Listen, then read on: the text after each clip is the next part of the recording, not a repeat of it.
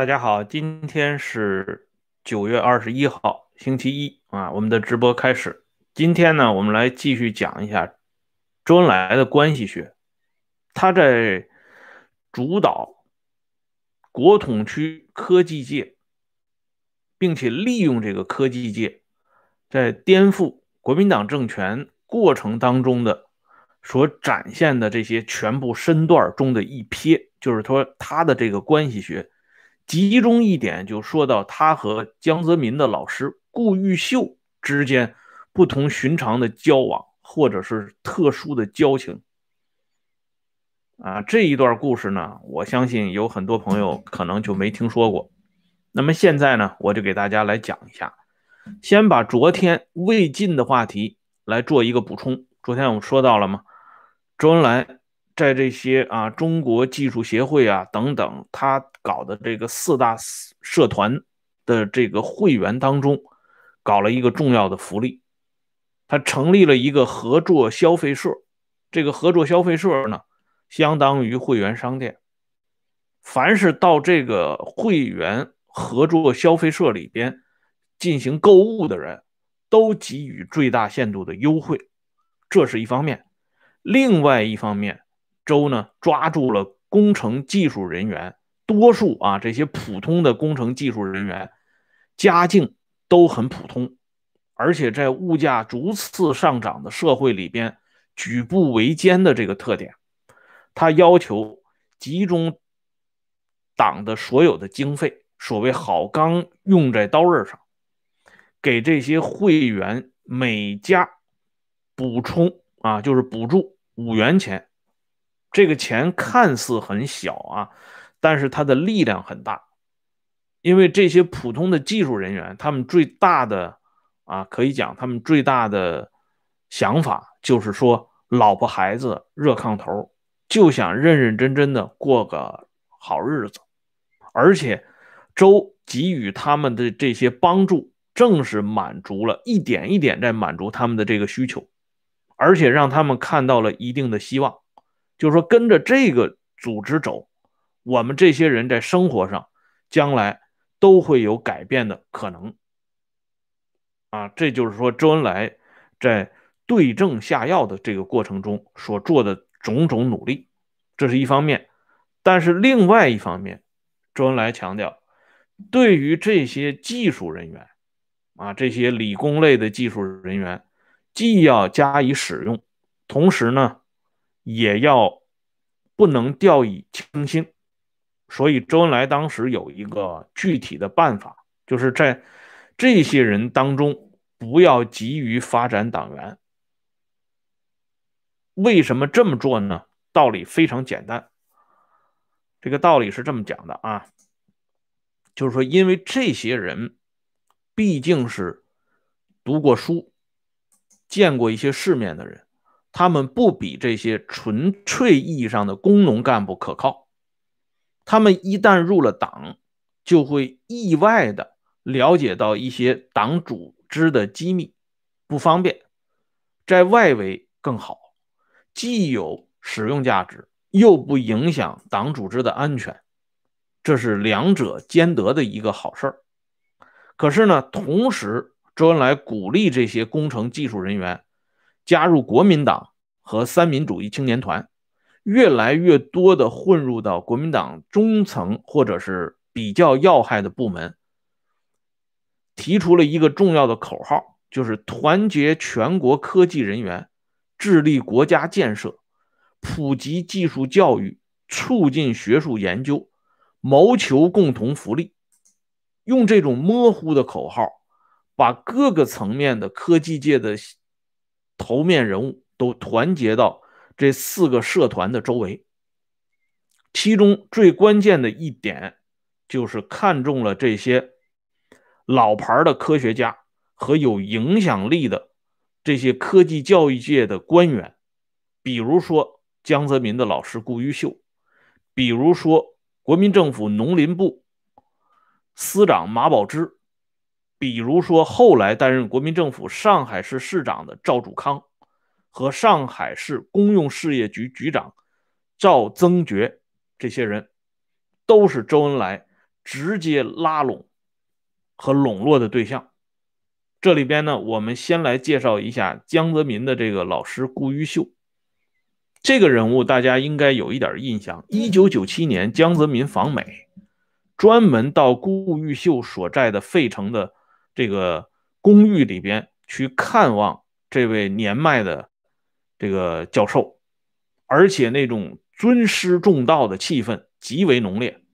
新闻联播是几乎是全程播送了这一段啊，江呢在这个镜头之下侃侃而谈，对老师。对师母当年啊给予他的这些教导，直接的也好，间接的也罢，那是记忆犹新。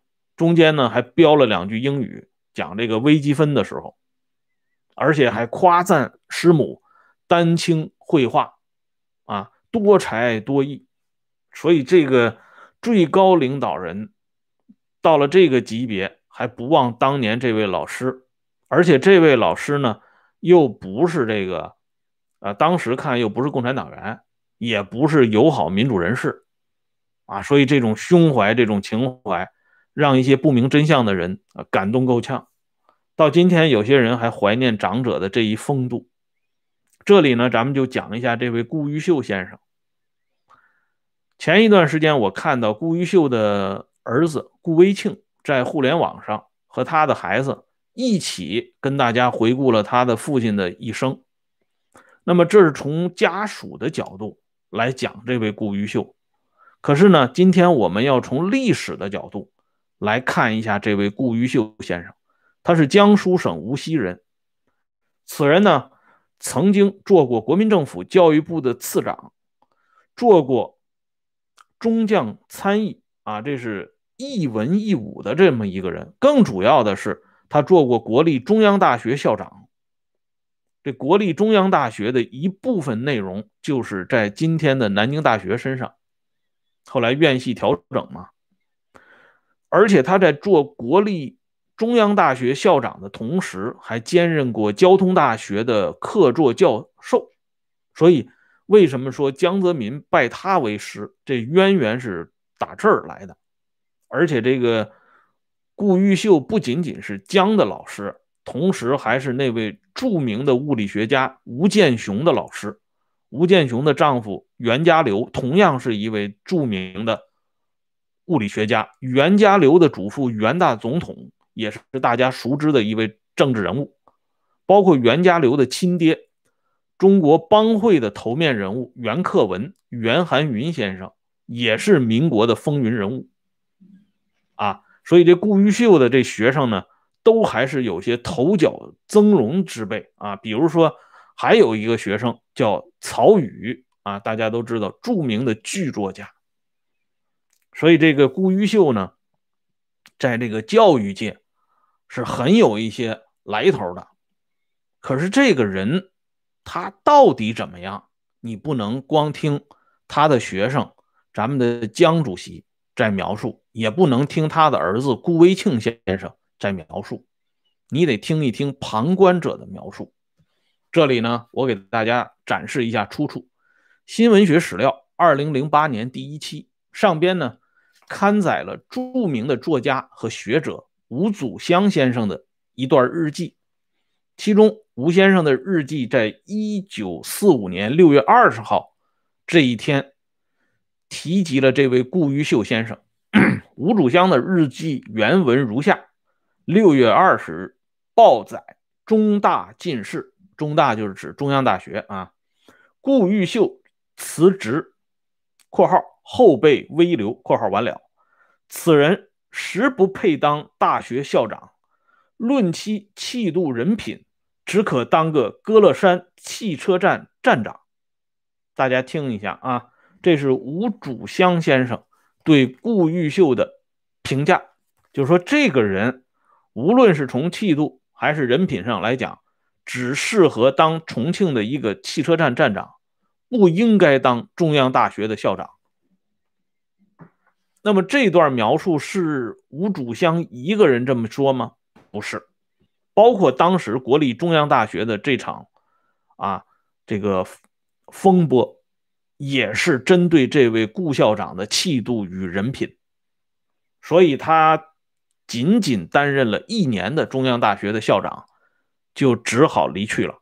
后来外放担任上海市教育局局长，就这个机会让周恩来给抓住了，因为他正好是上海科学技术界、教育界的主管官员，而这个时候。周恩来指示下边具体要做通顾玉秀的工作，下边人呢就把一些社会上对于顾玉秀的传闻向周恩来做了汇报，就是说此公据说名声不太好。周恩来听了以后大不以为然。周恩来有一个指示，正因为他名声不好。我们才要靠拢他，正因为他名声不好，他也只有靠拢我们，这就叫抱团取暖。越是这种名声不好的人，他在社会上越孤立，而越孤立的人，我们一旦伸出援手，他就越容易向我们进一步的靠拢。这就是关系学里边最关键的一条，不要经常做那个。锦上添花的事儿，那个人人都会做，要学会做雪中送炭。因此，这个顾玉秀和周恩来就搭上了关系。一九七三年，顾玉秀回到中国，当时周恩来已经是重病缠身，可是专门抽出时间来接待了顾玉秀和他的夫人，在一起长谈。长达三个小时之多，其中很多内容已经付诸阙如啊！我们今天已经无法从公开史料当中进行查证，但是其中有两段颇为耐人寻味。一段呢是周恩来开门见山的说了一句话，说顾先生是我们的客卿啊，客卿，大家知道，这春秋战国时代经常有这种。啊，游离于政府之外，却替政府说话办事的人，视为客卿。啊，而且一些关键人物都是从客卿这个位置上发迹的，比如说李斯，啊，比如说张仪等等啊。那么周恩来所谓的顾玉秀作为政府的客卿，其含义已经不言而喻。第二条呢，就是更为啊。这个直接的表现了周的这种为人，包括他所组织和执行的这一套政策的两面性。就是顾玉秀呢，一下问起了自己的亲表兄，曾经担任北京市副市长、打着著名民主人士招牌的王昆仑先生。啊，就是说我哥王昆仑在什么地方，我还想见一见。周恩来一听。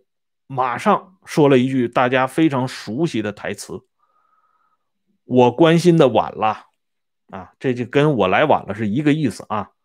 我关心的晚了，我们的工作有疏漏啊。王昆仑先生现在在秦城啊，秦城这个地方大家都知道。这顾玉秀呢就没有见上自己的表兄，不过这么一问。”啊，倒是把他的表兄给救了。周恩来随即下令，啊，赶紧把王昆仑从秦城里边放出来。这里顺便再说一句啊，当年那位著名的科学家童第周，他的弟子和战友牛满江教授载誉归来，啊，在文化大革命当中回国看望，其中就提到童地周，啊，说我想见见童地周。有关部门一听。比较麻烦，因为童地周正在监督劳动，其实也是在变相的羁押当中。于是呢，碍于牛满江的面子，就把童地周给放出来了。童地周见到牛满江，牛满江说的第一句话，说我得的这个大奖本来应该是先生的。童地周老泪纵横，说了另外一句话，希望你以后经常回来几次。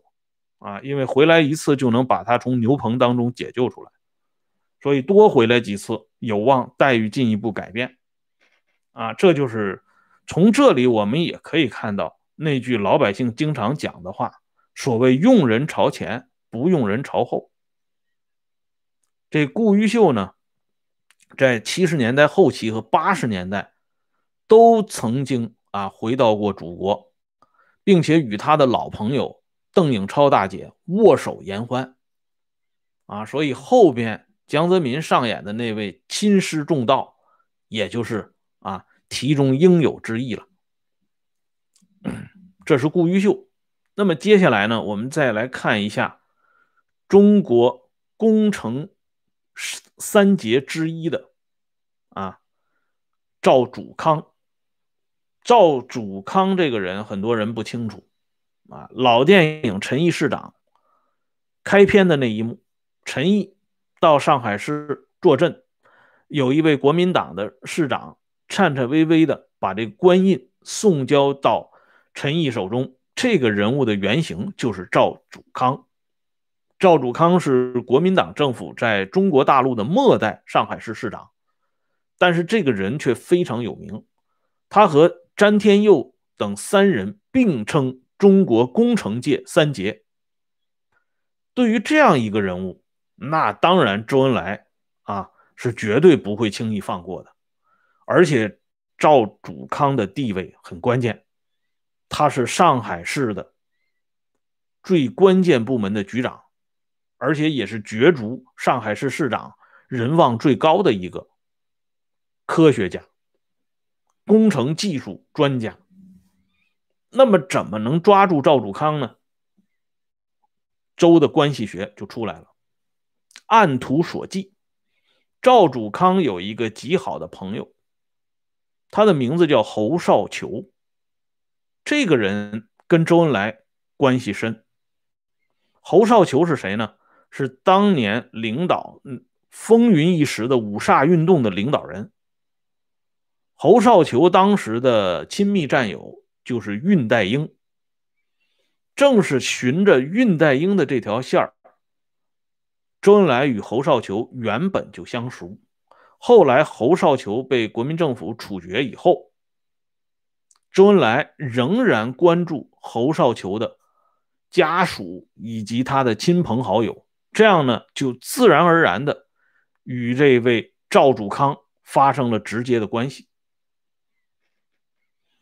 这样的话，赵祖康自然而然的啊，也就进入到了。周恩来要笼络的视视线当中，通过赵祖康、胡觉文、毛以升、侯德榜这些人呢，都受到周的拉拢和重用，他们所起的作用和收获是不言而喻的。这里边呢，我给大家举两个故事，一个是在抗日战争刚刚结束。国民政府派接收大员叫张资凯到上海，负责处理善后事宜。这个接收大员大家都知道啊，手里有无上的权力。上海是汪精卫政权的重中之重，这里积累了日本人和汪精卫的大量财产。这些事情都由张子凯具体来负责。这钱呢？咱们这个党是最关心钱的，周恩来马上就通过人跟赵主康取得联系，就是说我们现在要团结全国的科学技术人员，科技兴国，好时机来了，因为战争结束了，所以百废待兴的时候尤其需要科学技术，可是科学技术没有钱是转不动的，所以我们。党希望哈成立这么一个基金，搞这么一个基金会，把所有的这些钱呢挪到这个基金会里头，帮助这些科学技术人员，帮助我们落后的科学技术再上一层楼。你看这个旗号打的是何其冠冕堂皇。赵祖康当然同意啊，所以他就说动这个张资凯从这个金库里边。拨出一笔巨款来，充当基金的启动资金，周恩来的第一步就达到了。后续的咱们说什么大饼油条随便吃随便拿，包括什么酿造厂这类的啊，这钱都是从这基金里边出的。昨天有的人不是说吗？这个党当年穷的叮当乱响，他哪来的钱呢？这钱就是这么一点点来的啊，都是国民政府间接支援的。一九四六年三月，这个中国技术协会作为周恩来当时管控的最大的社团，他要向社会上亮相，于是呢，他就搞了一个工业品展览会。结果这个工业品展览会可不得了，一下子在上海滩。打响了，甚至是全国范围内的工程技术人员都知道了中国技术协会这块金招牌，都以能够参加中国技术协会为荣。这个中国技术协会就相当于那个年代的华为啊，所以这个咱们说，周才是这一系列啊这个活动和做法的祖师爷啊，这个事情搞得很漂亮。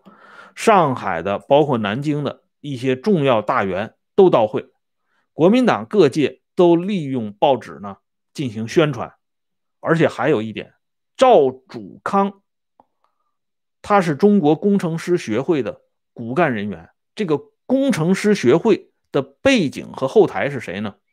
就是蒋家天下陈家党的陈家兄弟陈立夫。所以通过赵祖康呢，把陈立夫的关系也抓在手里。周的这一票玩的是相当之漂亮，那么接下来更漂亮的事情是什么呢？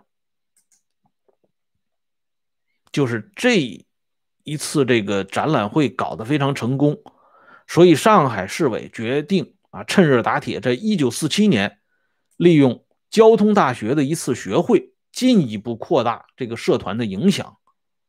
可是麻烦突然来了，因为交通大学里边。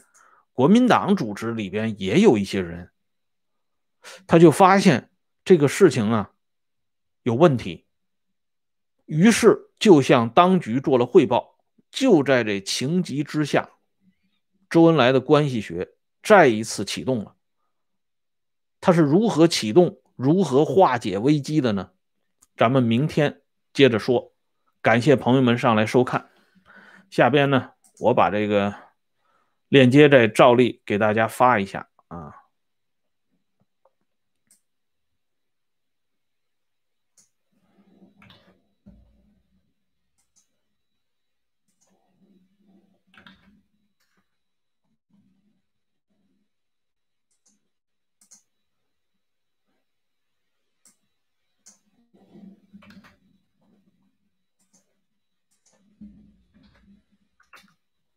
好。谢谢大家，再见。